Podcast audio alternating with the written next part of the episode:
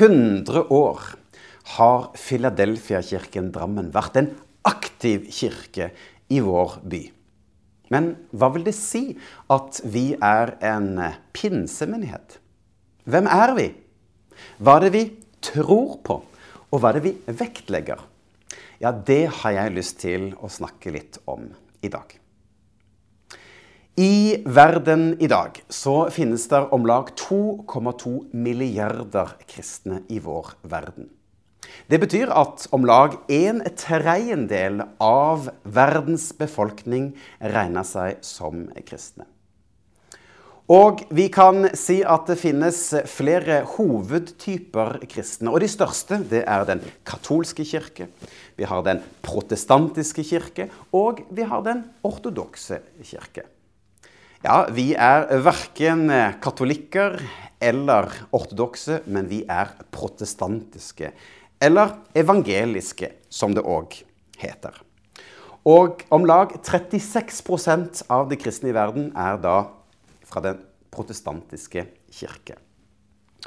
Og protestantismen den vokste fram som en reaksjon da under reformasjonen på 1500-tallet. Man gjorde et oppgjør mot den katolske kirke og paven.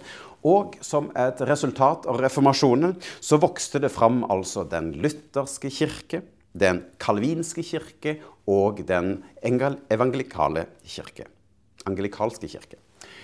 Og etter hvert så gikk det flere hundre år, og da vokste fram òg baptistene, metodistene, men òg da pinsebevegelsen, som vi er en del av. I Norge så kan vi si at den protestantiske familien består av to hovedgrupper. Du har Den norske kirke, og så har du de frikirkelige. Og i de frikirkelige så finnes det en rekke ulike retninger. Vi har eh, da pinsevennene der, baptistene, Misjonskirken, De frie evangeliske forsamling, Den lutherske frikirke, Frelsesarmeen osv. Og de fleste bygger da på en evangelikal teologi. Og evangelikale, det er et bibelsentrert folk med en dyp personlig tro på Jesus, som ønsker å ha ham som herre i alle deler av livet. Altså bibelsentrert, en dyp personlig tro og ønske om å ha Jesus som herre i alle deler av livet. Og evangelikalismen vokste da fram som en motreaksjon mot den liberale teologi som etter hvert vokste fram. Pinsebevegelsen i Norge er blant de største frikirkene i eh, Norge. Og består av om lag 40 000 medlemmer, og har da 340 eh, selvstendige kirker. Vi har ikke noe sentralt hovedkontor i Oslo som bestemmer om hvordan vi skal drive kirke, hvordan vi skal drive arbeidet vårt her.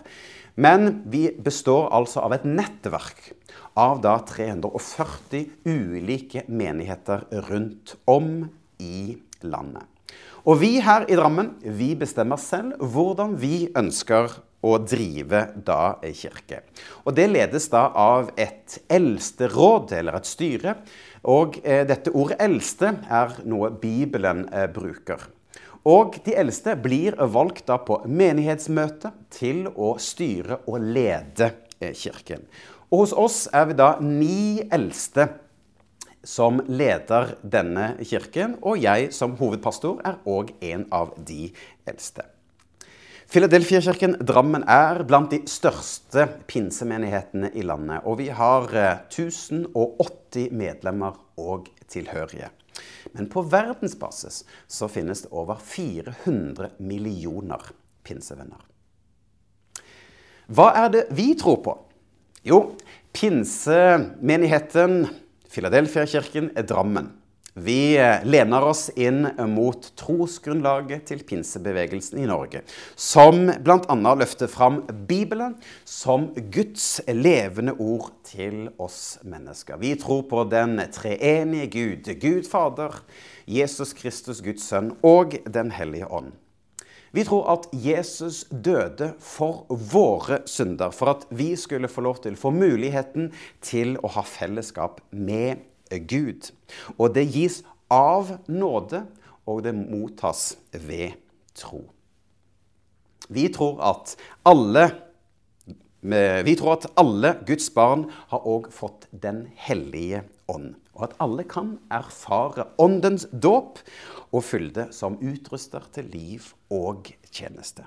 Vi praktiserer troenes dåp som en god samvittighetspakt med Gud og en overgivelse til etterfølgelse av Jesus. Vi feirer nattverd sammen for å ha fellesskap med Jesus og hverandre. Og nattverden er åpen for alle som tror på Jesus som Guds sønn. Vi tror òg at Jesus skal komme tilbake og hente hjem de som tror på ham. Og vi forkynner derfor håpet om kroppens oppstandelse og det evige liv. Og vi slutter oss til den apostoliske trosbekjennelsen. Før jeg skal si litt om særpreget til pinsevenner, så har jeg lyst til å bare si litt kort historisk om pinsebevegelsen. For på slutten av 1800-tallet, eh, overgangen til 1900-tallet, så var det en rekke mennesker som var samlet eh, i eh, USA, og de lengtet etter en berøring av Den hellige ånd. Slik man leser om i Bibelen, da disiplene i apostlenes gjerninger fikk Den hellige ånd. Og i Los Angeles, i Asusa Street, så oppsto det en vekkelse der mennesker ble fylt av Den hellige ånd, og fikk da tungetallet som et tegn på Den hellige ånd. Og den afroamerikanske William Seymour var en av forkynnerne som sto i denne vekkelsen. Og den norske metodistpresten Thomas Ball Barrat. Han eh, dro over til USA. Nei, ikke over til Los Angeles, men til New York. Og der kom han i berøring av denne pinsevekkelsen. Og Han ble òg møtt av Den hellige ånd, ble fylt av Den hellige ånd og fikk da tungetale som tegn. Og Han dro da tilbake igjen til Norge og tok da med seg pinsevekkelsen til Norge og til Europa. Dette var i 1907. Og vi er en pinsemenighet. Og dette ordet pinse det er altså sentralt i eh, vår eh, tro, dette med Den hellige ånd. Og selve pinsen, altså pinseaften og første og andre pinsedag, jo, det er en høytid. Men likevel så er ikke det en høytid vi feirer med brask og bram. Høytider generelt er ikke avgjørende viktig for oss, men det hjelper oss å minne oss om det vi tror på. Men for oss er det mer søndagene, hverdagen, ja, livet. Det er det vi ønsker å fokusere på. Dette med det regelmessige, altså vår hverdag. For vi samles til gudstjeneste ukentlig for å høre Guds ord for å tilbe Gud, for å gi ham ære, for å synge til ham, for å komme sammen som fellesskap, som er kristne, og leve ut pinsens budskap hver dag. Ja, for pinsens budskap det handler om at Gud sendte sin ånd til jorden, altså Den hellige ånd, for at han skulle ta bolig i vårt hjerte. Og vi har en levende og en personlig relasjon til Gud gjennom Den hellige ånd. Han leder oss, han taler til oss, han virker i oss og blant oss. Og Den hellige ånd er tilgjengelig for alle mennesker. både fattig og rik, ung og gammel. Det fins ingen begrensninger for hvem som kan motta Den hellige ånd. For alle er velkomne til å tro på Gud. Men jeg har lyst til, eh, i slutten av eh, denne preken å løfte fram fem sannheter som er viktige for oss pinsevenner. Og Det ene det er en personlig tro på Gud, og at hver og en har sin egen trosreise. To, en sterk tiltro til at Gud leder oss, taler til oss og virker blant oss. Tre, om troenes dåp. Om fire, om åndens dåp.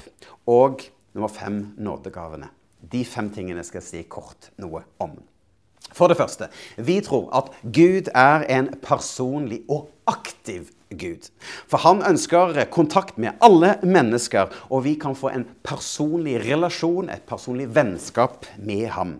Og Jesus Kristus, Guds sønn, han er vår gjeter, og vi er hans sauer.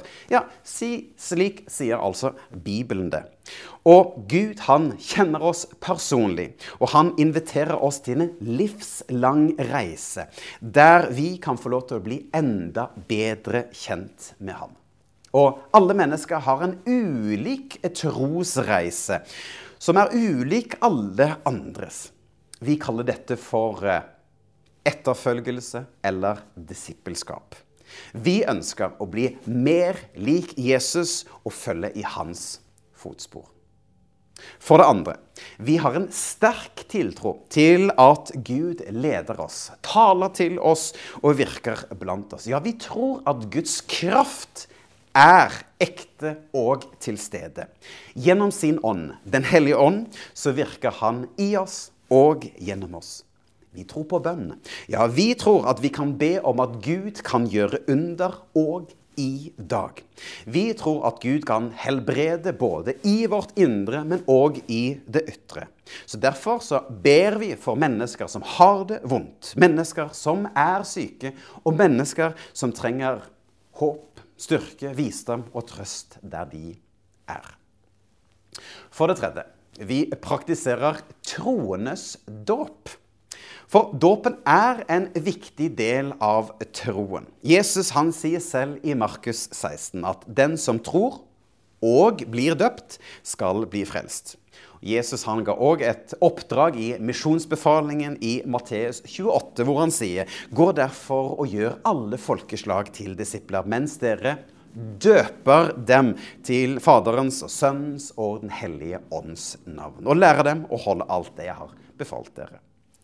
Paulus han forklarer om dåpen slik i Galaterbrevet 3.